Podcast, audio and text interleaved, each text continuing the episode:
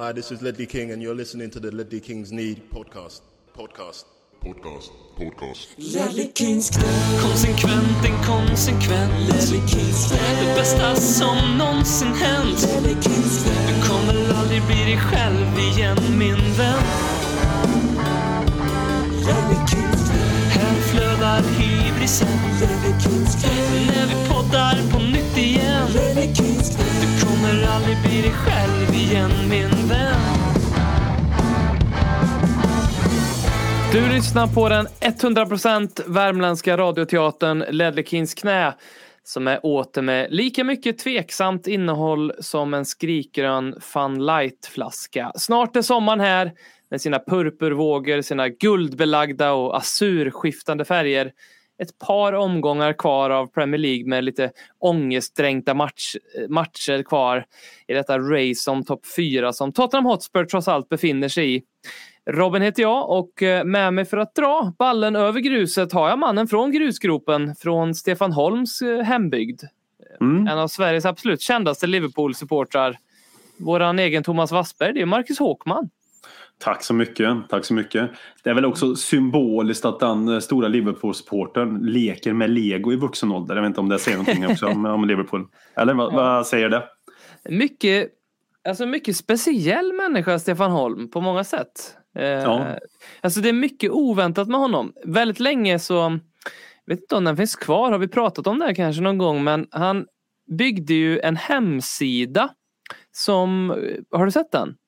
Nej, eh, jag kan. Jag har glömt bort den men eh, prova. Det, det, kan, det kan vara så att den finns kvar. Jag måste nästan kolla det. För den var lite så här. Vi, vi har ju såklart Ma- Marcus Bergs hemsida. Har du väl sett någon gång i tiden. Kanske den med, med alla de här eh, posiga bilderna och suspekta innehållet. så. Men Stefan Holm byggde ju, nej den finns inte kvar. Men en gång i tiden Nej. så hade Stefan Holm byggt en hemsida. Som, eh, ha, han gav sig på ambitiöst nog att liksom försöka göra en sån här hemsida som skulle vara lite som en en startsida för alla som skulle innehålla mer eller mindre allt man, man behövde på internet. Så Det var liksom så mycket statistik och fakta och det var lite så roliga historier och det var eh, allt möjligt smackade han in på den där hemsidan. Mm. Känns väldigt, det känns som att han hela tiden behöver ha någonting att hålla på med. Det kändes också nå- någonstans, för mig i alla fall, jag, innan vi tryckte på rec här så hade jag på uh, SVT1 och då såg jag att det var Mästarens Mästare. Som det Mm. var länge sedan jag kollade på måste jag säga. Men de pikar väl någonstans där, om du också såg den säsongen när både Stefan Holm och Patrik Sjöberg var med. Uff, ja, kan det bli ett bättre möte? När de satt och gnäbbades om eh, hur man ska liksom läsa av resultat i höjdhopp utifrån en lång karriär. Vem som Ja. varit mest lyckad och inte. Holm läste ju statistik på det sättet som fick han att verka bättre. X antal hopp över 2,30 vad det var, eller 2,32. Och Sjöberg sa det heter ju höjdhopp. 2,42, punkt slut. Tyckte väl Mm. han då. Mm. Och där, just de är ju också de två största höjdhopparna i Sverige någonsin. Och kanske de två mest olika personerna i Sverige någonsin också. Liksom. Så, Verkligen, de symboliserar verkligen två olika saker, två olika sidor av samma mynt. Ja, verkligen. Och sen var det där med Stefan Holm, på tal om han speciellen. Tycker väl om liksom att framhäva sina resultat även ja, för några år sedan, eller kanske tio år sedan. Han var ju med och startade upp, nu blir jag väldigt intern, men de får lyssna här. Många har väl sett de här Forshaga Ultras kanske, den här Mm. gärdsgårdsserien som man har. Det finns ju fler lag här i, här i orten, eller kommunen då så att säga. Det finns ju två lag till, Deik och Östra Deje. Och Stefan Mm. Holm spelade ju Östra Deje och var med och startade om Östra Deje igen för x antal år sedan. Och hans Mm. pappa Johnny Holm har spelat mest matcher i den klubben någonsin. Men i alla fall, och Stefan Holm startade föreningen igen. Och då valde han ju vilket nummer då? Kommer du ihåg det eller minns du det? Ja, Det måste ju varit 2,40 då. Ja, mycket riktigt. Ja. Hans nummer var 240. Ja. Det säger ju Ja. också någonting. Kan du inte bara Verkligen. släppa? Kan du ta nummer sju liksom? Ja, inte. verkligen. Ja. Han Eh, måste hävda sig där också. Division 7. Någonting i Värmland. Liksom när Östra Deje möter MT-Vika. Och nu blir det återigen. Alltså, då ska han ändå studsa omkring där för de här äh, som orkar inte bry sig om det. Liksom. 240. Mm. Han spelade ganska fult har jag för mig, Stefan Holm. Ja, det har jag Eh, också hört. Väldigt fult. Eh, vilket är inte riktigt, alltså det går inte ihop för man ser honom som en ganska, li, han är en ganska liten figur. jag tror han är ganska oskön att ha som lagkamrat. Alltså en individualist som har varit Mm. manisk och tävlat på en hög nivå och sen kunde han kanske inte släppa det och insåg att han spelade just i division 7. Och det vet ju hur den serien är i Värmland. Vi har väl båda spelat i den någon gång. Mm. Ja, den är, den är menar, vidrig. Den är vidrig. Den, den är ju vad den är så att säga. Mm. Den är ju det som stockholmare tror att korpen är. Ja, lite det och kanske addera på några mer dubbar i vaden på det också. Det är ju den första maj idag. Vilket eh, utöver att vara den internationella dagen för gerillaplantering av solrosor. Det vill säga att man eh, planterar solrosor på mark som man inte äger. Mm. Så är det också en, en väldigt röd dag det här. Eh, en färg vi inte sett till fotbollstermer normalt gillar. Men nu ser du på att hålla på ett sånt aristokratiskt lag som Tottenham Hotspur är givet din politiska läggning som annars eh, ja, som kontrasterar mot Spurs eh, så att säga historia. Jag tänkte också först det du sa, vad var det mer för dag? Grilla? Gerillaplantering av solrosor. Ja, det är också lite symboliskt, grilla, grillarörelse och sånt där. Jag tänkte på vänsterrörelsen. Det kan man också koppla till eh, dagens ära. Nej, men jag sä- säger väl som Erik Niva brukar säga, typ fast med mindre fina ord, att eh, hade man valt lag i vuxen ålder så kanske inte blivit Tottenham. Och man kände till allt det där som man nu kanske värderar om man skulle typ välja ett lag som man ändå gjorde när man var, för mig då, tio år gammal. Men fan, nu är det ju vad det är liksom.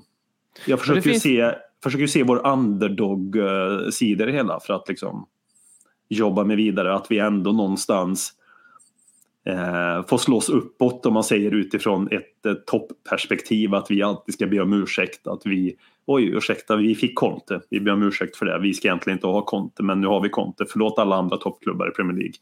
Förlåt oss, förlåt oss, förlåt oss. Och förlåt oss att Harry Kane spelar i Tottenham fortfarande. Vi ber om ursäkt. Vi borde egentligen slussa honom vidare till någon annan toppklubb i England så han får vinna sina titlar. För det är en självklarhet att vi som Tottenham då ska göra det. Jag försöker, jag försöker hålla mig kvar i den eh, slå uppåt grejen då som också lite grann vänsterrörelsen är för mig. Man slår uppåt mot dem som eh, har det för bra. Mm. Ja, och sen så är det väl så att man någonstans så vill man ju, eh, så vi eh, kastar, vi vill, ju gärna blanda in fotboll och politik. Inte alla vill det, men vi vill ju väldigt gärna det i Lerikins knä. Och eh, man vill ju på ett sätt kunna också då liksom ha någon form av rationalitet i sitt eget förhållande till fotboll och, och eh, utifrån ett politiskt perspektiv. Och, men man väljer ju sällan fotbollsklubb av rationella logiska skäl. Så det är så här, en, även om man hade kanske tillåtit sig att vänta eller välja i vuxen ålder så kanske hade blivit något helt annat lag av någon helt jävla befängd orsak. Och på ett sätt så känns det också som att fan vad trist att man ska behöva ta ett politiskt ställningstagande utifrån vilken klubb man tillhör. För, för, för så, så mycket på fotboll ändå kan vara politik tycker jag, så tycker jag inte. Jag, ty, jag gillar inte riktigt det här att fotbollsklubbar ska stå för olika politik. Att det ska behöva vara så. Eh, det, det tycker jag det känns lite trist och det, jag tror det finns det kan, eventuellt en, en, en risk att vi går mer åt det hållet. Att, så- fram, särskilt med utvecklingen med ägare i, i modern tid. Det är bara de senaste ägarna som har tagit över här i, i, i form av saudier i Newcastle. Och, ja, nya, eh, nya obrydda kons- eh, Nu får vi se vem det blir i Chelsea. Här, men det var ju en, ett tag. Det har varit ryktats om två väldigt kontroversiella ägare. Och det, det delar ju fansen lite grann. Och man blir ju lite som på samma sätt som Stefan Holm och Patrik Sjögren sitter och liksom Sjöberg heter han ju för fan. Eh, och sitter och liksom pratar om samma sak men vrider på det utifrån sitt perspektiv så är ju fotbollssupportrar precis samma sak. Mm. Eh, Jo men så är det ju. Ja. Nej, men vi bara ser, jag vet inte, är det väl någon Dodgers-ägare va, som, som jag hörde skulle väl vara väldigt nära att köpa dem. Sen är det den rikaste personen i England som jag inte hade, det här är väl skämskudde egentligen. Vem är han? Det kanske Ja, jag borde veta eller hur? vem man är. Ja. Känner du också så eller? Ja, jag har aldrig, aldrig hört talas Nej, om vad, honom. vad skönt. För jag tänkte, Ja. jaha, den borde man ha hört om, tänkte jag då för mig själv. På något sätt, vid något sammanhang. Mm. Även om man inte är så inne i den eh, liksom, ja, listan av vem som är rikast. Så tänkte jag att då borde man väl hört talas om. Men aldrig hört talas om. Vad he- Men- den som borde ja. ha köpt Chelsea, det är väl han, vad heter han, han som varit inne i de här uh, pedofilhärvorna här, prinsen, prins, vad heter han? Pri- Prins Andrew. Precis. Prins Andrew, ja. Han, det skulle vara väldigt fint. Ja. Det skulle inte vara fint så, men om det är Nej, någon, nej, om det är någon man, precis passande ja. Mm. Karin eh, undrar ju då, eftersom att det är första maj, vilka krav vi målar på plakaten till Conte inför Anfield.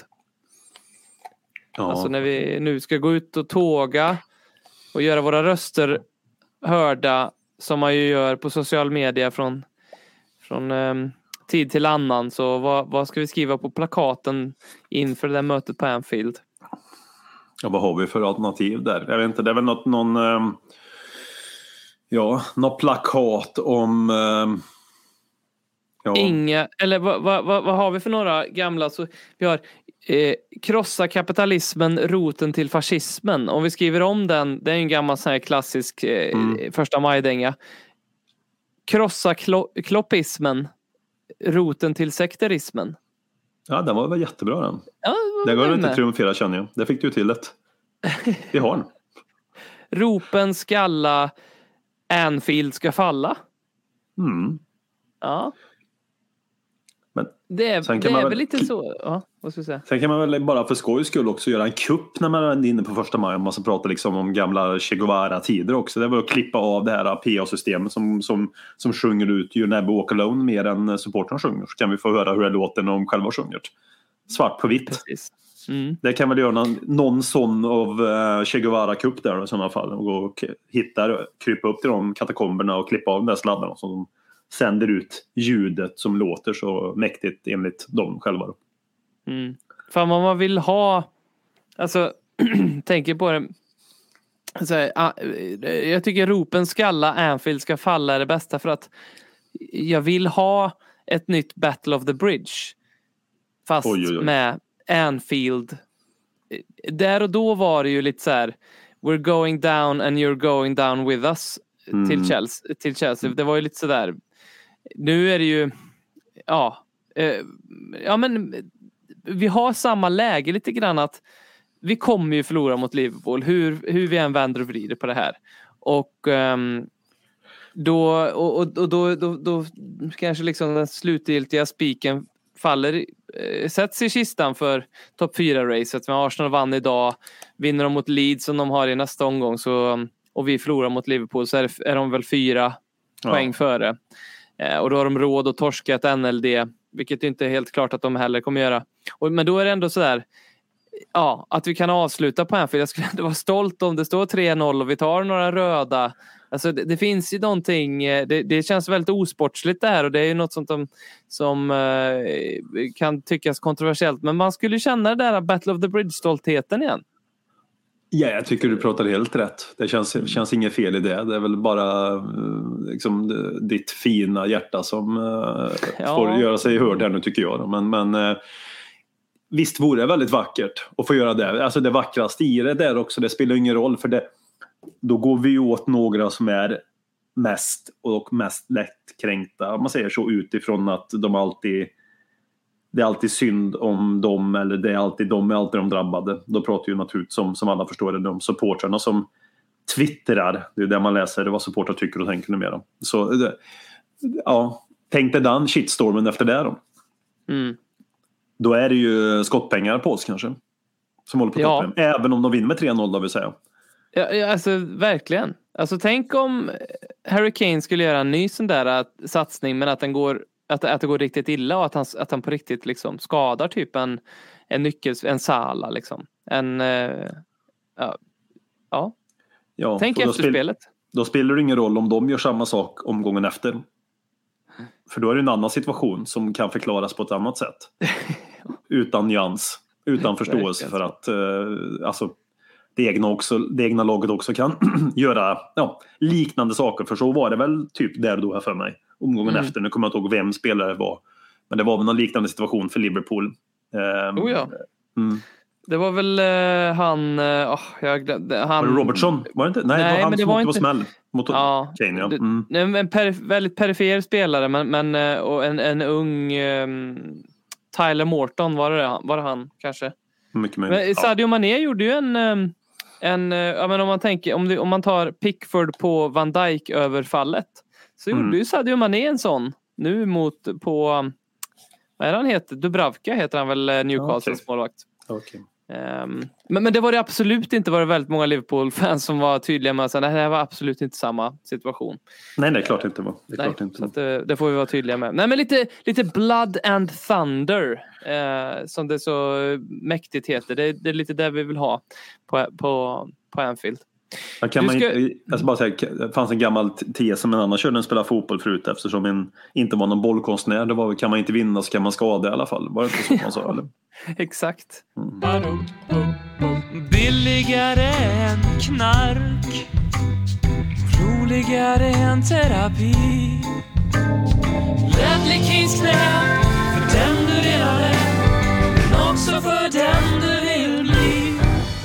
Antonio Contes eh, framtid har eh, diskuterats i den här podden och på diverse nyhetssajter och det är väl eh, många journalisters favoritnarrativ här nu inför sommaren.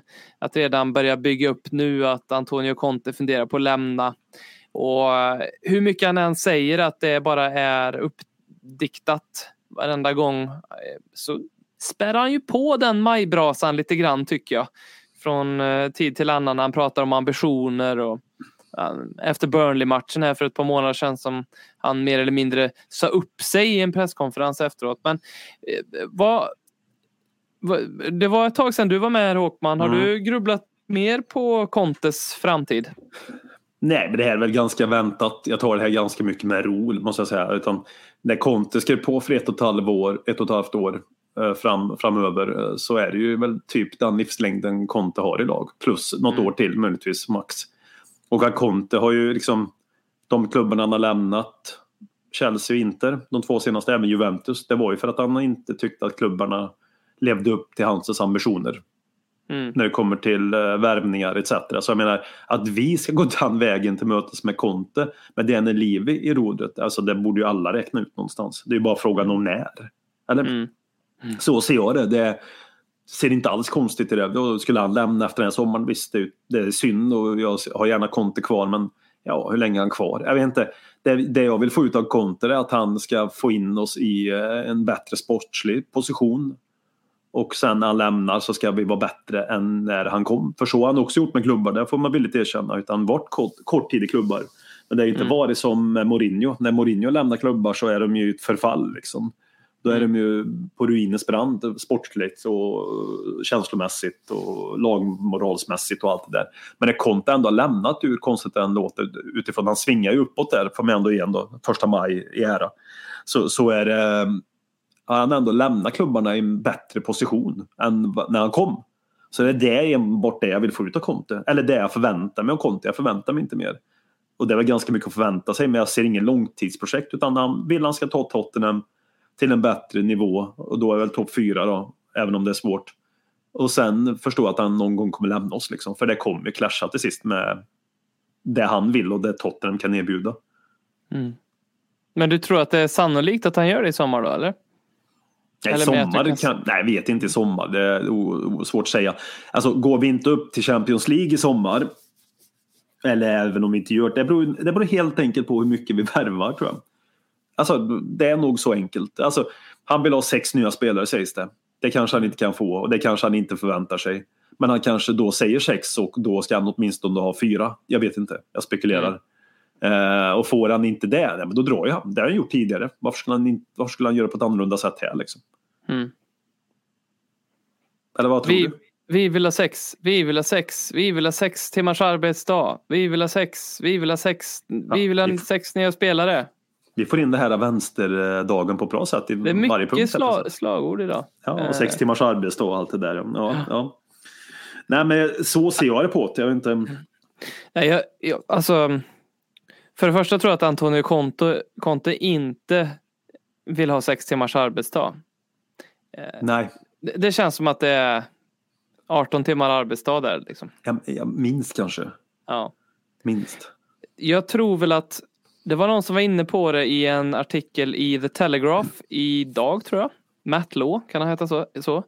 Det är inte- Ja, om att ehm, Tottenham måste riva plåstret och inse att Antonio Conte är eh, fel person att eh, ha att göra med nu. För att Tottenham är fortfarande där i rebuild-stadiet och Conte är lite för mycket, vad ska man säga, vinna nu. Eh, Alltså lite, lite tvärt emot vad du säger här nu alltså vad, vad han är inne på. Att eh, Conte det är vinna nu, det är att köpa 28-29-åriga bra spelare här och nu för att ta en titel och sen lämna för att kunna liksom fortsätta skryta om sitt CV. Eh, som att han har vunnit en titel vart han än gått då. Och att det hade varit bättre för Tottenham att eh, satsa på en manager som ehm, är där långsiktigt för att hjälpa dem bygga någonting. Och det, det, det ligger ju någonting i det tycker jag. Även, även om jag liksom inte håller med om kanske att han Alltså för att ge dig rätt här. Jag tycker att han också, ja, men, jag tycker inte att Inter är en sämre fotbollsklubb efter att han har lämnat. Sen kan man diskutera Chelsea då, men när han lämnade där, men det är svårt att säga. Det är mycket jojo där överlag har varit. Men, eh, men jag tycker att ehm, Ja, jag vet inte. Jag, jag tycker att eh, det finns, det ligger någonting i att Conte är en opportunistisk värvning av Livi där och då och Eh, att jag saknar lite den röda tråden i det sportsliga. Lite där som man blir galen av när man spelar fotboll manager och man vill söka i, alla fall de nya utgåvorna av det jävla spelet. Det var ett tag sedan jag spelade i och för sig men när man skulle ta över en klubb och man fick ha ett samtal med ordföranden och de sa vi vill spela en sån här och en sån här fotboll. Men jag, jag, jag skulle nog ändå vilja att Annie Levy hade att Tottenham hade en mycket tydligare man säger ju sig stå för en viss typ av fotboll och to dares to do och allt det där. Men eh, när man tittar på de senaste manager-tillsättningarna så känns det väl inte som att det finns en röd tråd överhuvudtaget och inte heller i vår liksom, transfer filosofi för den delen heller. Jag tycker vi var på, right, på, på, liksom på rätt spår där ett tag när vi värvade ungt och brittiskt mycket. Och alltså med Dele Alli-värvningarna alltså i den eran. Men sen, så, sen dess är det som att vi har fått en lite större kostym och nu klarar vi inte riktigt av att, eh, men jag- om jag jämför med de vi mötte idag, Leicester liksom.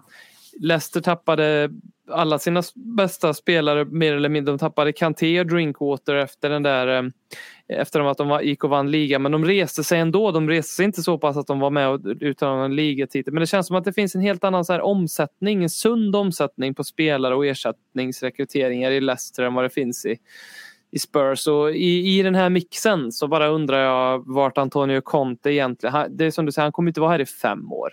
Han kommer här till nästa sommar max. Mm. Eh, Det är jag helt säker på.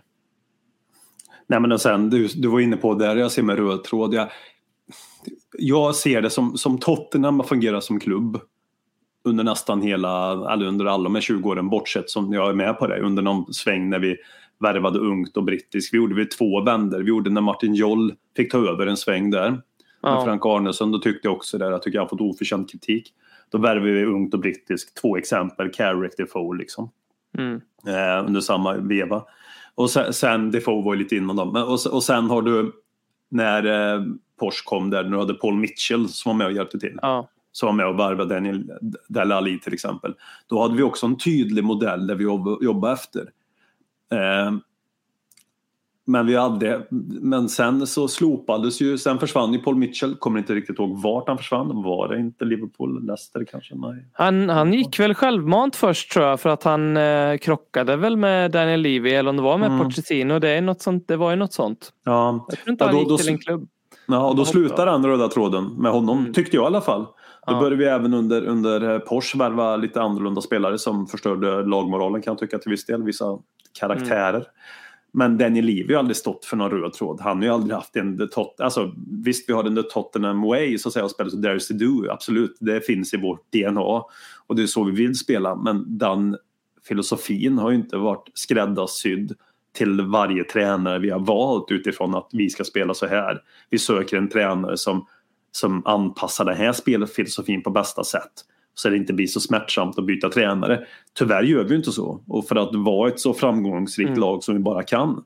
oavsett vilken nivå vi ska vara på och vara så framgångsrika så är det ju den filosofin eller arbetsmetodiken man ska ha tycker jag. Ehm, och, men samtidigt tycker jag alltså, det, Matt Lowe, jag vet inte om, om det är nu så att han tycker att det är svårt att säga att Totti gjorde fel där alltså. Vad ska vi ha gjort liksom? Vilket Nej. förhandlingsläge var vi i? Ja. Alltså nu har vi ju fått en annan, eh, vi har ju bröstat oss på ett annat sätt. Rätt eller fel, men det har vi ändå gjort att nu det kanske inte finns den tiden till att börja värva ungt som vi gjorde då när Porsche kom. Att vi har det Mm. arbetsron att värva på det sättet. Sen tycker jag du kan, borde kunna göra båda flugor på en och, samma, en och samma gång. Att du kan värva ungt samtidigt värva spetsigt. Du kan ju ha en, en idé hur du vill ha en klubb men du behöver liksom inte göra en rebuild på det sättet att du köper bara 20, 21, 22-åringar och så ska du vara bra om tre år. Jag tror, någonstans att du borde kunna göra någorlunda båda sakerna samtidigt på något sätt. Mm. Mm. Ehm, så att, att Conte var fel, nej, det kan jag, nej. Vi, vi satt ju inte med S liksom, två S och så vänt, väntar vi på floppen liksom. Det var inte Mm. riktigt så den handen vi satt med när vi sparkade Mourinho, eller sparkade, herregud, Nuno till exempel. Så nej, det var ju en konstig take tycker jag. Jag fattar vad han menar med, med långsiktigt men han måste ju också förstå någonstans vart vi var och vart vi är liksom någonstans. Och vilket CV Conte har. Inte, inte som Mourin- Mourinho som, var, som jag var emot.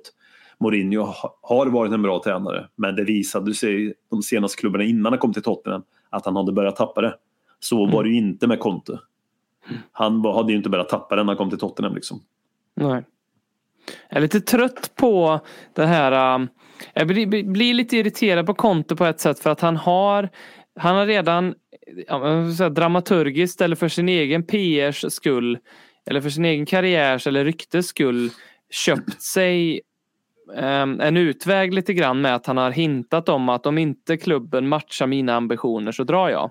För det räcker ju med liksom att han bara så här, han kanske inte har ett nytt jobb men han kan bara kliva av kontraktet och så kan han bara säga nej men klubben matchar inte mina ambitioner så kommer ingen att klandra honom.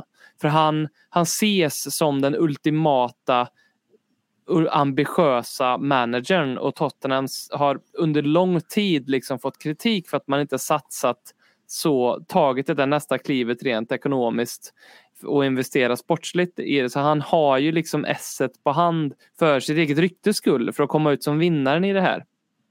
Mm. Liksom. Men, men samtidigt har han ju alltid varit på det sättet som jag ser det. Det är ingen Ja. ny Conte. Det är, alltså, det är ingen nytt sätt för honom att vara och agera på. Han, Annie, varför han kommer undan med det också, det är ju för att han varenda klubb han har lämnat hittills har ju varit under samma premisser. Eller under samma motsättning mot klubbledningen. Inte det var samma sak, Chelsea var samma sak, inte det var samma sak. Liksom. Så han har ju alltid lämnat klubbar på detta sättet. Det har alltid varit en fade med ledningen, aldrig med spelarna, inte på grund av det sportsliga, inte heller på grund av fansen, utan det har alltid varit uppåt mot styrelsen liksom, som det har skurit sig. Så eh, utifrån det, jag förstår vad du menar att han köper sig, men ja. Att, jag, någonstans visst, i min värld i alla fall visste vi vad vi, visste jag vad vi fick när vi fick Conte. Hög jävla potential, kortsiktig lösning, någon som kan förändra resultat på jävligt kort tid. Ehm, och så vidare liksom. Men jag vet ju också vad vi har liksom. Men det är som du Som- säger, alltså blanda det här, äh, för vi har ju ändå de förutsättningarna nu att kunna göra lite mer stjärnvärvningar och framförallt utse en Antonio Conte som manager. Varva det med att fortsätta satsa ungt brittiskt lovande så ser jag liksom inte riktigt vad som kan gå fel. Alltså, om man tänker på vad lyckat det var för oss. Så det, det känns som att den här strategin Ändra så bär den inte frukt alls så vi ser det inte eller så har vi lagt ner den men Kyle Walker från Sheffield värvade vi. Mm. Han kom när han var 16 år. Danny Rose kom från, 16, kom från Leeds när han var 16 bast där. Mm. Michael Dawson var väl lite äldre från Nottingham Forest väl. Eh, Aaron Lennon kom väl också som typ 16-åring också från Leeds. Gareth Bale, hur gammal var han också? 16 typ, så 15. Eh, Mm. Ginas plockade vi lite äldre också tror jag. Newcastle, Ja. Nottingham väl. Eh, Tom Huddleston eh, plockade vi Ung. Han var ung. också ung. Men det var ju ändå Visst, de här spelarna i sin prime med kanske undantag, alltså Gareth Bale, Kyle Walker, Danny, Danny Rose, absolut. Men resten kanske inte skulle gå in i en startelva idag, men skulle vara jävligt nyttiga att ha i truppen och, och, och man vet inte. Ja, vad, vad, så, jag saknar det där lite grann. Eh, Men Ja. nu har ju Steve Hitchen lämnat så um, det är inte omöjligt att vi får in en Paul Mitchells bro har vi väl bränt men eh, det är inte omöjligt att vi får in någon sån som kan hjälpa oss ta nästa kliv där. Det borde vi få in någon för den, den, eh, den terrängen så är ju inte Paratici någon som verkar ens bry sig om att titta på. Mm. I alla fall inte när man läser rykten. Det är ju liksom enkon Serie Ja, ja, A, nej. Italien. Mm. Så vi behöver verkligen få in någon som kan sortera den terrängen för den är jävligt viktig för oss att fortsätta. Jag vill också verkligen att vi ska jobba på det spåret. Mm. Ehm, arbeta på det sättet, hitta en långsiktig strategi. Den enda som möjligtvis skulle kunna få fansen att acceptera, tror jag, utifrån hur vi ser oss själva nu, att vi inte har samma eh, tålamod med tid som krävs för vissa rebuilds att göra. Det är faktiskt, tror jag, bara för att vi har det mm, i minnet med honom. Sen vet jag inte om det kommer bli lyckat. Det är om Porsche komma tillbaka. Då Ja. tror jag någonstans att supportrar skulle kunna acceptera en lite längre process Mm. för att han har gjort det förut och då gick det Mm. rätt fort ändå. Då tror jag faktiskt, på grund av kärleken som finns till honom, kärleken som finns Mm. från honom till oss, att det är liksom det är kärlek däremellan de flesta parter i alla fall. Då Mm. tror jag att de flesta supporterna skulle kunna acceptera den typen av rebuild vi har gjort back in the days när vi spelade på White Hart Lane. Mm. Det är nog den tränaren tror jag som kan få den tiden i Tottenham. Mm. Vad jag tror i alla fall. Mm. Annars tror jag inte vi kommer... Jag har svårt att se att vi, vem ska det vara liksom? Ja, det är... Jag tyvärr gillar den som Aston Villa, eller som Aston Villa, United har fått nu. Det är en väldigt bra tränare tror jag, tyvärr. Om man Mm. får rätt, rätt förutsättningar också. Det brukar ju Mm. inte de heller få i United, men... Nej. Mm. Nej, jag tycker ändå att det var rätt med Conte. Det, det var inte fel av Tottenham som han vill göra gällande att vi borde gjort något annat. Vad fan skulle vi gjort då? Vem skulle vi ha tagit då? då? Vem hade vi tagit då, mitt under säsongen? Ja, det är ju... Det, Alltså- det är ju men det är, det är på samma sätt som varför tog vi Nuno? När, eh, Ja, det kan man när vi fråga tog sig. Nuno. Fast om, fråga lite sig. mer omvänt. Men, eh, Ja. mm, Men opponera nu att vi inte hade lyckats fått Conte där i november va? Eller oktober kanske redan. mm, mm, Opponera att vi inte hade fått den. Vi hade missat honom igen och han har gått till en annan klubb. Vad vet jag vilken klubb det hade varit. Och vi hade Mm. fått någon halvfigur. Då hade vi nog suttit och pratat och Matt Law kanske hade skrivit en artikel om att Tottenham missade Antonio Conte igen. ja, ja. Och de borde ha tagit, tagit Antonio Conte. Det var en chans som Tottenham aldrig mer kommer få. Mm, Det är jag nästan säker på att då hade narrativet låtit på det sättet istället. mm. Ja, då hade det varit om att Tottenham vågar inte ta nästa kliv. Tottenham Nej. klarar inte av att ta nästa kliv som de behöver göra. Så är det ju. Det finns, det finns alltid någonting. Det är alltid något som saknas när det kommer till Spurs på något vis. Eh, som inte är uppenbart för alla men det kanske är den här röda tråden som är grundproblemet till att de här symptomen dyker upp. Att det alltid är ja, nej, nu miss, vi gjorde inte rätt värvningar, vi tog inte rätt manager, vi får inte ut det här och det här av Kane. Alltså, så. Nej. Jag såg på, på tal vi pratade om tidigare med, med Tottenham, om du frågade om han hade varit ett annat lag, när jag sa att det gillar med, alltså, vi är lite underdog för alla undrar varför vi får Conte, varför vi inte ska sälja Kane och så vidare. och så vidare. Jag såg att det finns ett Sky Sport-program som heter Overlap. Där det typ, Mhm. Har du sett det någon gång? Nej. Nej, då sitter det en panel med gamla fotbollsspelare och de är Roy Keane, Jamie Carragher, Gary Neville och så är det en som moderator som sköter det där. Och så är det några supportrar från varje lag i Premier League som är med där och diskuterar som olika topics. Liksom. Och de här supportrarna utgår ifrån en lite profilerade supportrar. Eh, då är han som rattar The Fighting Cock, jag vet inte vad han heter, sitter med som Tottenham-snubben i det här sammanhanget. Och då pratar Flav. de just om Flav, ja precis. Då pratar de just om Tottenham och Conte här nu senast. Och då gick han lite till angrepp just om det här som jag sa. Då sa han Mhm. exakt det där, det här med att ja, det gör så ont, det verkar göra ont i alla att vi har för Conte. Vi förtjänar inte Conte.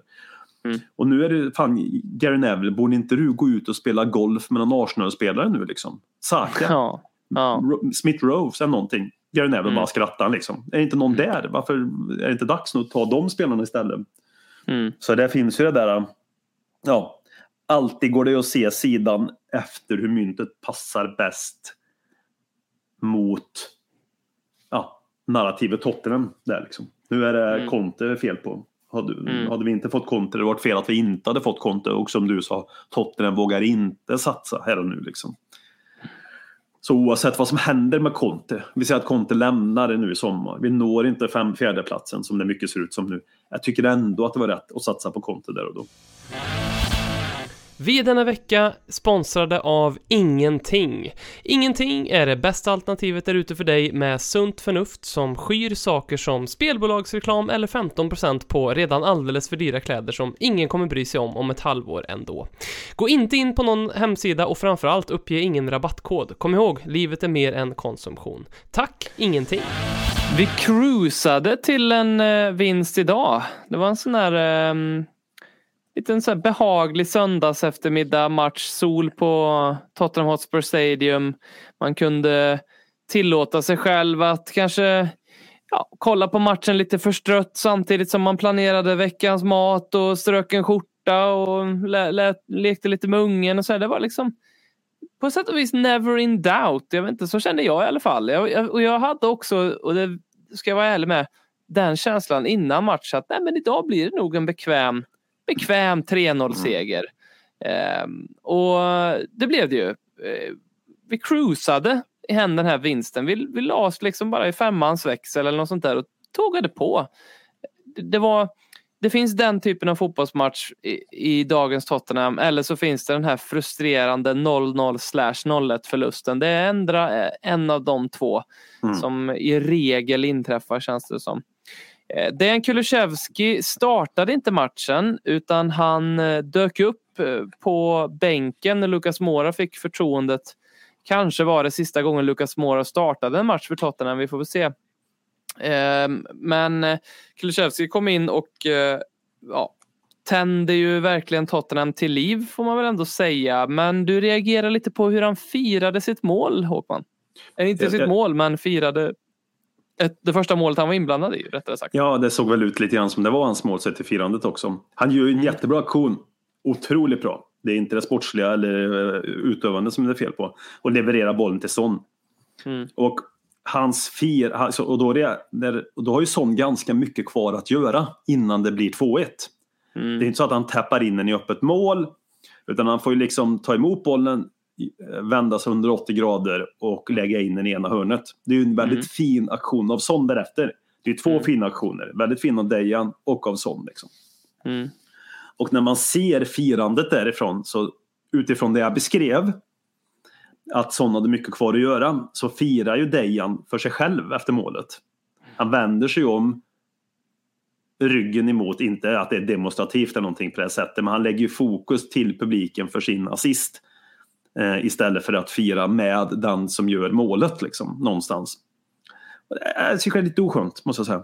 Eller väldigt jag oskönt till och med. snappade inte upp det lite grann. Jag, jag man, man, man, kan tolka, jag, jag, tänk, jag, jag, har inte sett sekvenserna så det är möjligt att jag skulle reagera annorlunda om jag såg det. Men mm.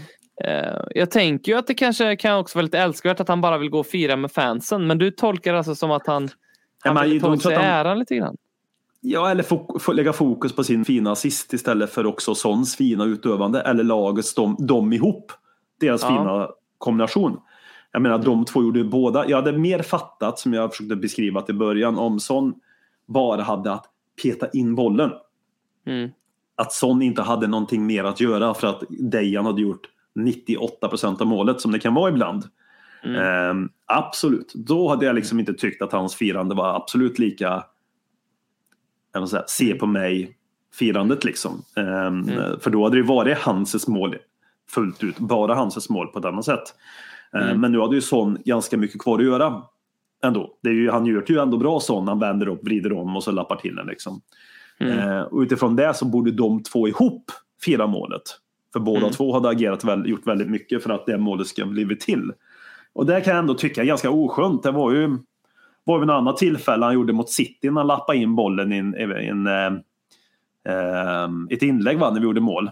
Om det var sista eller något mål där. Då han också liksom inte firar med målskyttarna utan firar för sig själv efter inlägget. Jag kommer inte ihåg vilket av målen det var. Kan det vara avgörande målet kanske? Kanske. Eh, mm. Ja.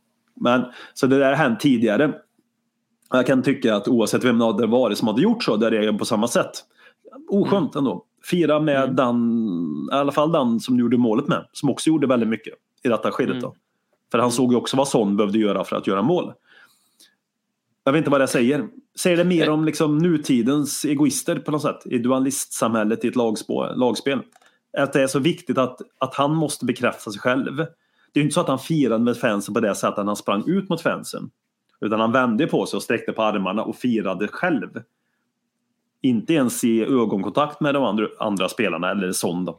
Det, det, det kan säga någonting om din aversion mot Kulusevski om något tänker jag. För det var ju senast du var med här som du var lite hade lite svårt för sättet som vi vurmade så mycket om Kulusevski. Jag jag förstår ju att det kan ses på det sättet. Ja. Jag tänkte också på det innan. Och tro mig, gå in och kolla varför någon i helvete skulle göra det. Det är ju ingen som ska göra det. Men jag kan ju berätta då istället. Och kan ju leta fram det, men det orkar jag inte. Men det finns det någon fram i Twitter-historiken att jag var väldigt positiv för det här nyförvärvet. Ja. På många Ja, sätt. är liksom. Mm. Eh, verkligen och eh, det här var precis den nyförvärv jag ville ha där och då och supernöjd med det innan vi fick det. Och tror till och med jag skrev om det redan i somras när jag ryktades lite om den. Mm. Eh, att jag ville ha Dejan till Tottenham. Men han Han får är hålla sig på mattan. Han är väldigt bra men det är fortfarande ett lagspel. Det kanske säger också någonting om det här eh, första maj och eh, socialistiska ådran i mig som gör att man, man firar som ett lag. För att dra Mm. tillbaka till eh, första majdagen där, som det ändå är. Mm, mm, möjligt. Någon som firade med sina kamrater var ju Christian Romero. Eh, Ja. Han... ehm, så att, vänta, det var någonting jag bara ville säga. Jo!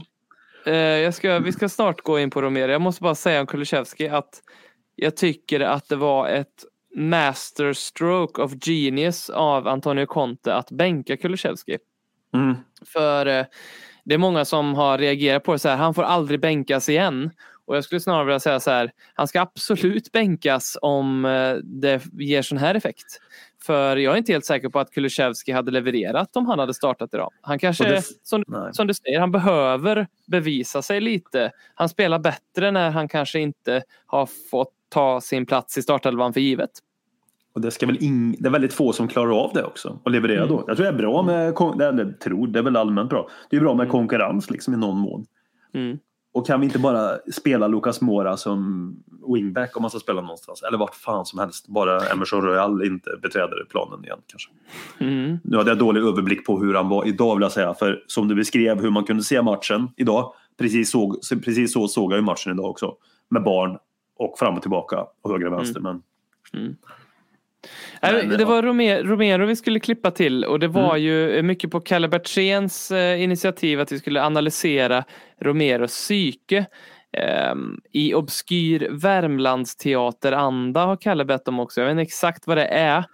Ehm, men han undrar om han är en fullblodspsykopat om han finns på riktigt eller bara är fullkomligt eh, underbar. Och jag tycker nog nästan att jag tycker nog nästan att eh, jag skulle vilja tillskriva nytändningen i andra halvlek från Spurs mer åt Romero som sätter tonen med sin aggressivitet snarare än Kulusevski som kommer in och gör det kanske med sin kreativitet. mm. Eh, Alltså, jag har aldrig sett en sån aggressiv fotbollsspelare förut som alltid lyckas också. Som alltid är välplacerad på rätt ställe och som man alltid tänker, oh det blir rött, det blir rött. Men det blir det inte för när man ser reprisen ser man, det var en perfekt jävla tackling. Och jag tänker särskilt på tacklingen som ledde fram till 2-0 målet. Eh, han har ju liksom uppfunnit tacklingsassisten lite grann. Den, den som eh, Vincent Jansen om du minns det försökte med så, så mycket. Han, han fick, tog ju alltid emot bollen och sen så försökte han tackla för att han hade så alltid så dålig första touch.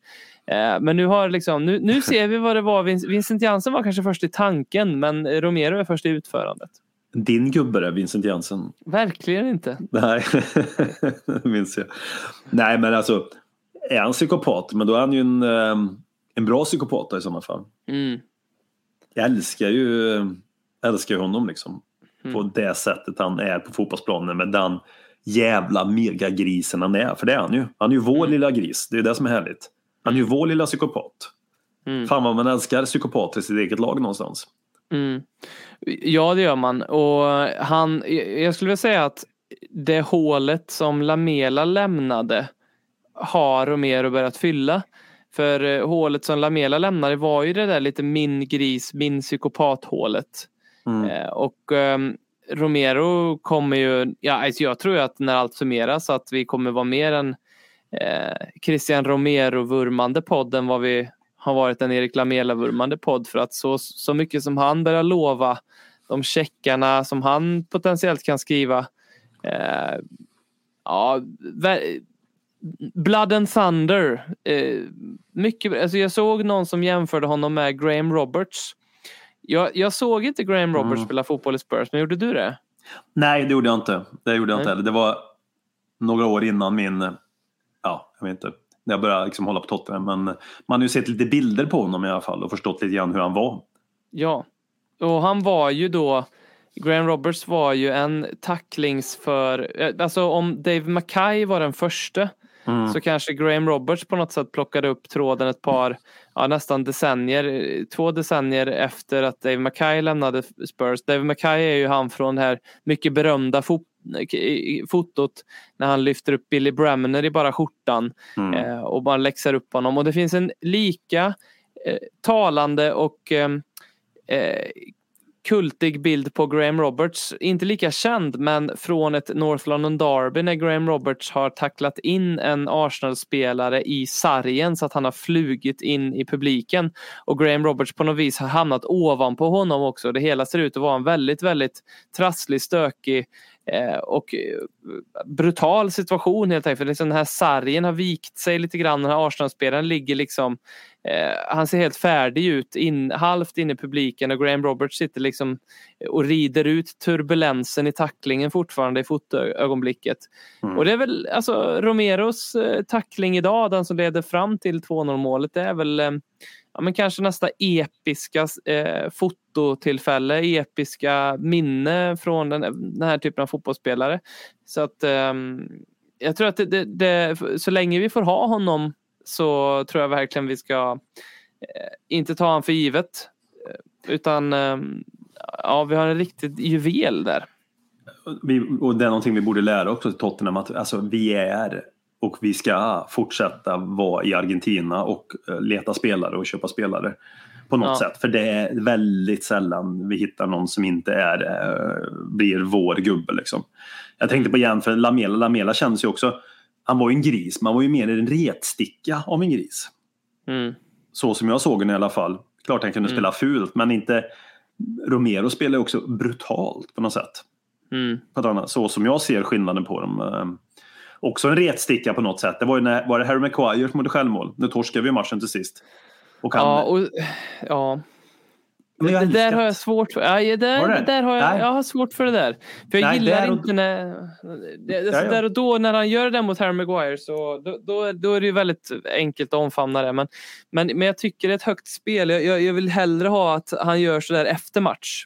Eller, eller som Timo Tainio gjorde när det var typ tre sekunder kvar av Mm. ligacupfinalen. Liksom, när, det är, när det är safe. För annars tycker jag bara idiotiskt. För då ser man bara ut som en tönt.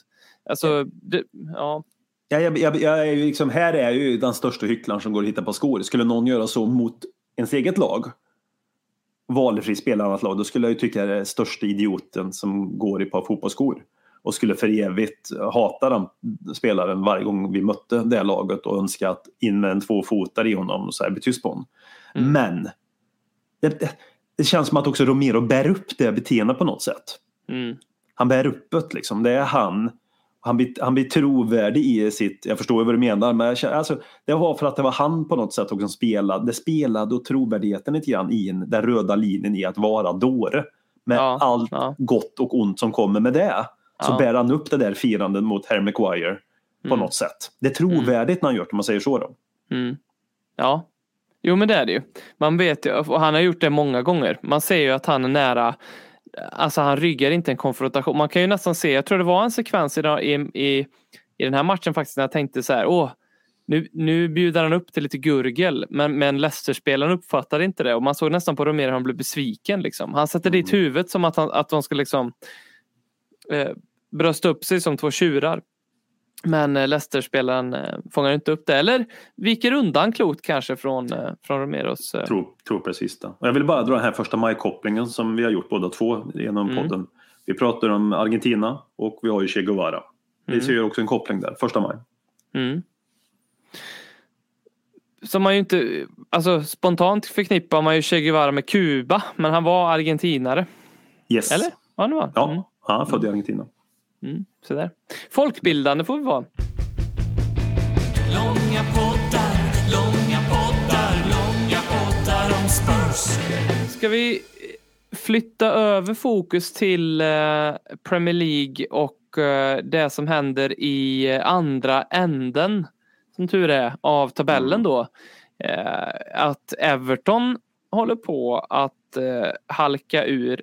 BM som inte kunde medverka idag på grund av eh, en förkylning.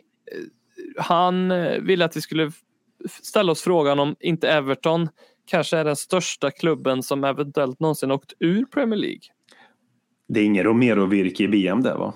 Eller det? Nej, det är det inte. Antonio, Antonio Conte har inte missat många, många, många arbetsdagar på grund av en förkylning heller. Nej, nej, nej, nej, nej, är verkligen inte. På samma sätt som Fabio Paratici aldrig kan, kommer att ses på typ ett så här regnigt eh, på en regnig läktare för att spana på en 16-årig britt som kanske kan bli en bra högerback om fyra år för Tottenham Hotspur. Nej men precis, exakt så. Exakt så. Eh, nej, men är Everton den största klubben som eventuellt åkt ur Premier League om de nu gör det? Ja, det väl, måste man ju säga. Alltså ur ett Premier League-perspektiv, absolut. Det är svårt att veta i division 1 också om det finns någon, men ja, det måste det ju vara. Mm. Vad har vi för bubblare där den där listan? Alltså en bubblare är ju Leeds. Eh, Leeds Ja, är ju en stor klubb och när bubblare. Leeds åkte ur eh, efter, bara alltså typ säsongen efter de hade gått nästan hela vägen i Champions League Mm. där i början på 2000-talet. De åkte, de åkte väl ut i semi va? Mm, och och jag, jag tror de åkte ur Premier League säsongen efter eller om det var två säsonger några, efter. några år efter man så var PT. Jag tror de åkte ut två år efter någonting sånt där. Mm. Två, tre år. Skitsamma. Men det var tätt inpå i alla fall oavsett vad, men det gick ju fort där. Mm. Och sen eh, givetvis West Ham när de åkte ur också omkring den tiden. Mm. Och Så- Newcastle någonstans också om man ser på Ja, storlek. Ja. Men det, bäddar man in titlar och här i aspekten som också ska bäddas in någonstans. Det kan jag ändå köpa om vi ska jämföra klubbarna emellan. Så är ju Everton den klubb som har vunnit mest. Liksom. Mm, mm. Och Newcastle har inte vunnit någonting typ. West Ham har väl inte heller vunnit någonting typ. Någon fa Cup-titel från 80-tal någon gång var som senast. Mm. Och ehm, Leeds har ju lite mer troféer på sin CV. då. De vann väl sista division 1 innan det blev Premier League där 91-92. Liksom. Eh, Men, men Everton, även om de inte vunnit någonting mycket nu då, FA-cupen där 94-95 senast, som senast, men så är det ju ändå den största och det är ju den klubben, bortsett Arsenal, som varit uppe längst utan att trilla ut. Då. Mm. Också. Det säger ju också någonting, jag vet inte vilket år de åkte ur senast, men då 50-talet någon gång. Var det något sånt där för Mm. mig? När jag lä- så, läste om det där så. Ja men då tillhör väl vi tillsammans med Liverpool och Arsenal en ganska, eh, ex, möjligtvis också Chelsea och United då, såklart, en ganska exklusiv, exklusiv skara på klubbar som inte åkt ur Premier League i alla fall då. Mm. Det är inte så många så fler som, alltså det är inte så många andra som har varit i Premier League. Ch- Chelsea har ju varit i Premier League hela, hela tiden, måste de väl ha varit va? Men Ja, inte City varit. såklart inte och ja. Newcastle och sånt. Så, så då, om de de trillar ur, det är väl också, också om man pratar stor, storklubb ur eh, vad de har för förutsättningar, för det är en rik klubb som åker ur om de gör det. Och sett Eh. vad de har köpt. Alltså inte Ja. vad de har köpt i kvalitet så mycket kanske visar det som, men vad de har lagt ut, peng- summor de har lagt ut ändå liksom. Mm. Eh, Så, och ändå tittar man på truppen och spelarna så ska de väl ändå inte ligga där nere. Jag menar, det finns ju Verkligen betydligt inte. sämre lag än vad de är. Det är väl ändå ett kvitto på det vi pratade om tidigare med röda trådar. Att det inte är bara att köpa och så kommer framgången om du inte Nej. har en plånbok som PSG, City och Newcastle. Då kan du ju köpa, behöver inte ha en jävla röd tråd. Då kan du köpa, misslyckas och köpa och köpa och köpa.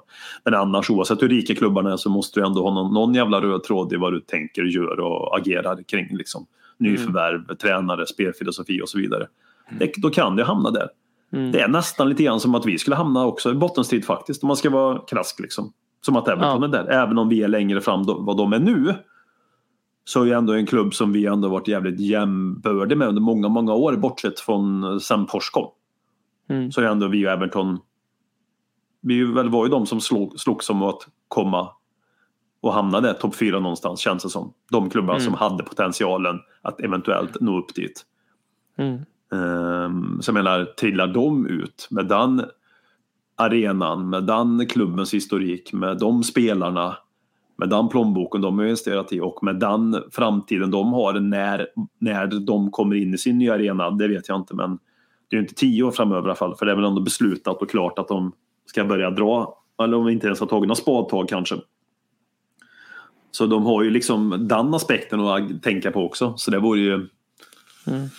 Ja, riktig jävla käftsmäll liksom.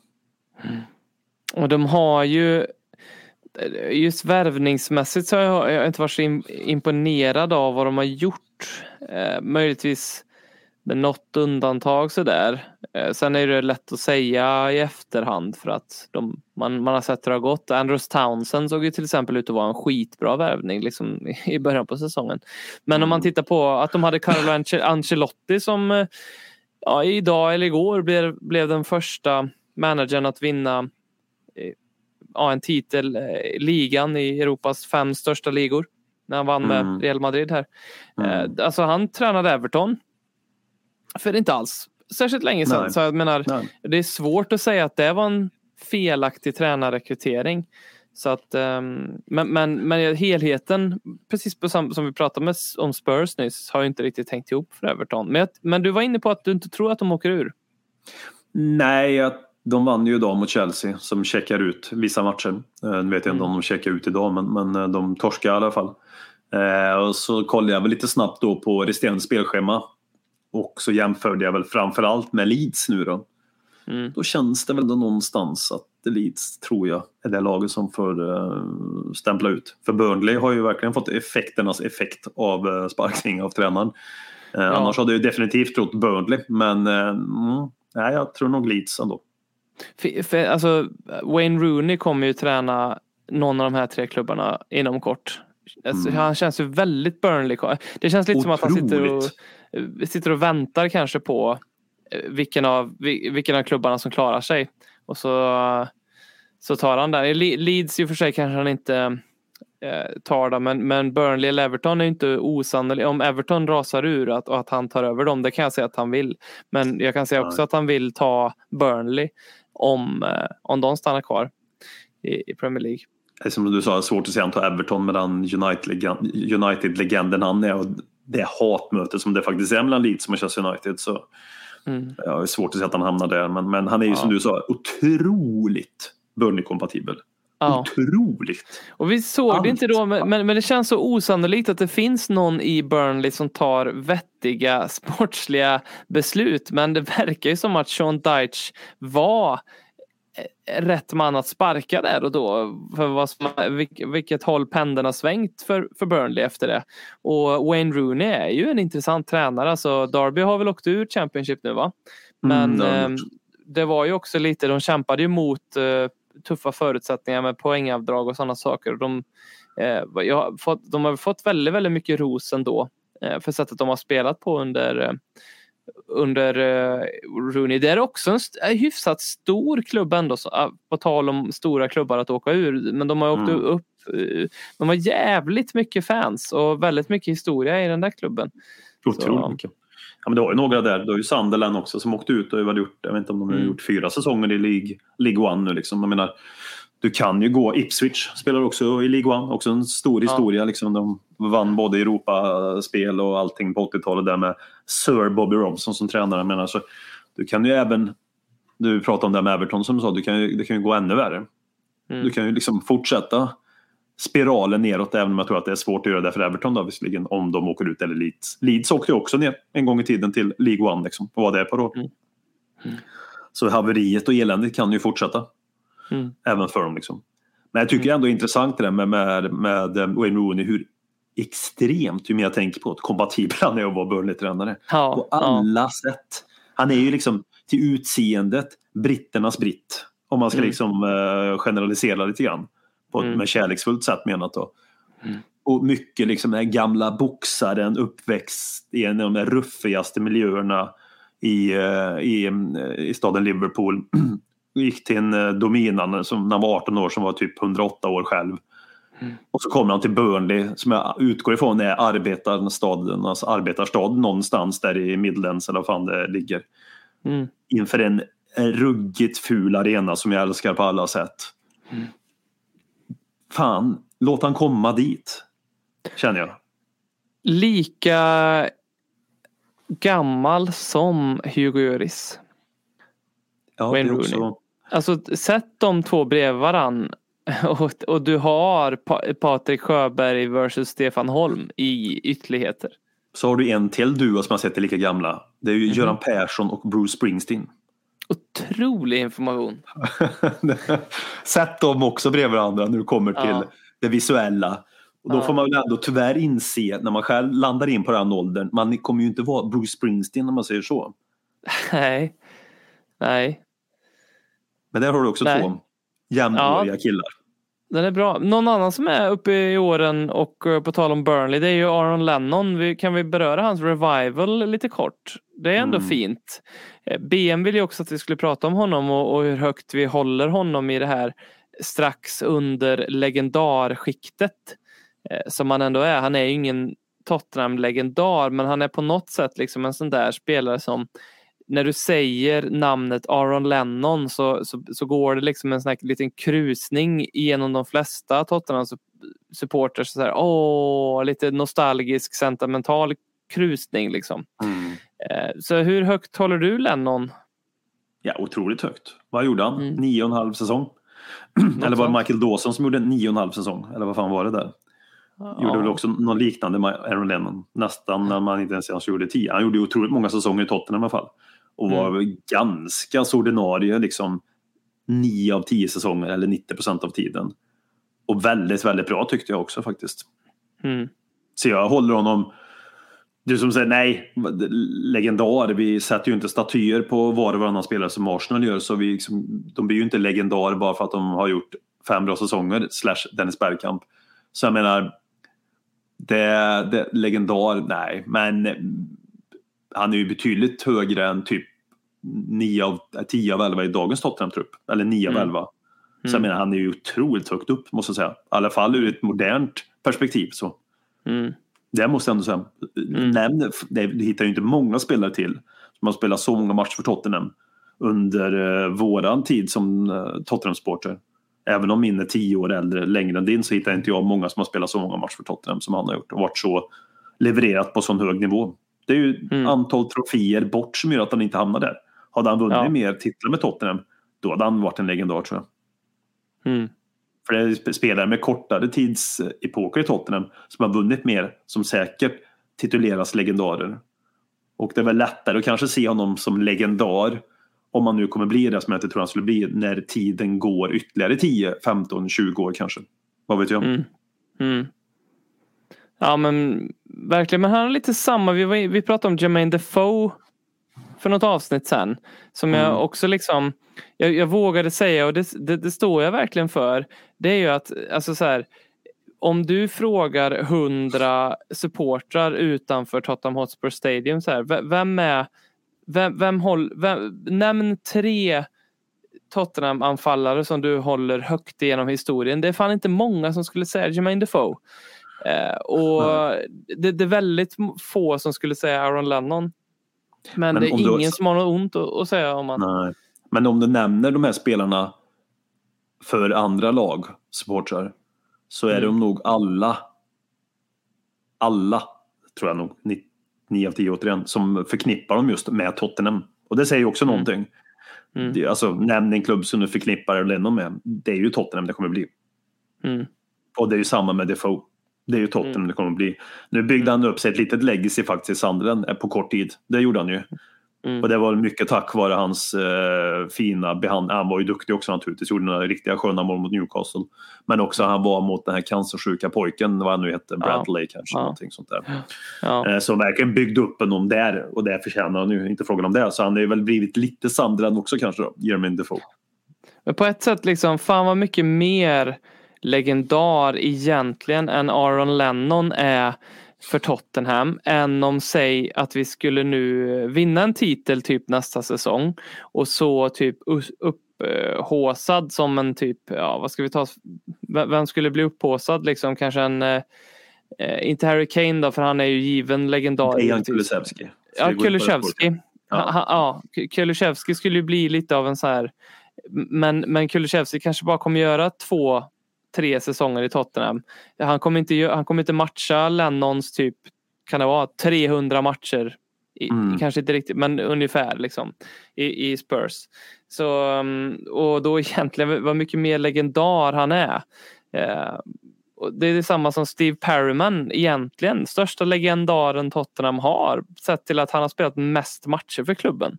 Mm. Alltså, för då har du varit med klubben mer än någon annan. Genom allt liksom. Och han vann ju en del också. Det vet gjorde han. Det gjorde han. Men han, han har ju även liksom lyft pokaler, killen. Liksom. Så jag Mm. menar, han ska ju få all, alltså, all knäböjning han förtjänar från alla liksom, ur Tottenhams perspektiv. Så Steve Perman. Alltså nämn någon som ser så lite. Wayne Rooney är ett bra exempel. Men Steve Perryman, alltså han ser verkligen inte ut som en före detta eh, proffsfotbollsspelare. Nej. Nej. Ser ju ut som en liten eh, redovisningskonsult typ. Ja, han kanske blev det här med Steve Perman Sport Travel. Hur mycket han var Ja. med i det vet jag inte. Ja, Han kanske anammade den looken i samband med det. Resebolaget som jag inte vet varken om det finns längre eller inte. Liksom. Det tror jag säkert. Ja, det tror jag säkert. De har klarat pandemin här. Ja, det hoppas jag. Det hoppas jag verkligen att de har gjort måste jag säga. Ja, Bara det kanske att är så det att eh, någon så här kommer att summera sig. Steve Perman Sporttravel har gjort flest sportresor till eh, Mm. Storbritannien allt summeras. Och är det någon gång vi ska bryta vår, vi ska inte vara sponsrade av någon och lägga in reklam mitt under sändning så är det väl ändå Steve Perman Sports Travel. Säger jag det. utan, utan att liksom rådfråga med någon utav övriga. Är det Ja, inte där vår, där, där kan vi väl ändå säga att då gör vi det liksom någonstans. Då, då kommer vi sitta här och göra de här tarvliga inläggen när vi sitter och är superövertygade om eh, vi är denna vecka sponsrade av Steve Perman, Perman Sports Travel och, och vi liksom verkligen på ett icke krystat sätt sitter där och pratar oss varma om hur just unika och fantastiska det här, Steve Perman Sports Travel är och vad Mm. mycket vi känner eh, för Steve Perman Sports Travel. Med, Eh. med samma passion som vissa gjorde för eh, Qatar Airwaves. Liksom. Mm. Mm. Eh, nej men vi går väl ut med det. Vi kan väl gå ut med första maj-plakatet Inga vinster i poddvärlden. Mm. Kan vi gå ut med. Eh, Jättebra. vi tackar eh, för eh, ännu ett avsnitt av eh, den här podcasten. Tack Håkman. Eh, Tack tack själv. alla ni som har eh, varit med oss den här veckan och eh, vi hänger i ett tag till. Det är ett par veckor kvar. 22 dagar för att vara exakt kvar av den här säsongen. Mm. Så um, stay with us och håll ångesten intakt med eh, medel som, eh, som ni behöver. Ledderkins knä kanske är ett av dem. Ha det gott! Cheers. Konsekvent, inkonsekvent Det bästa som någonsin hänt Du kommer aldrig bli dig själv igen min vän. Här flödar hybrisen När vi poddar på nytt igen kommer aldrig bli dig själv igen.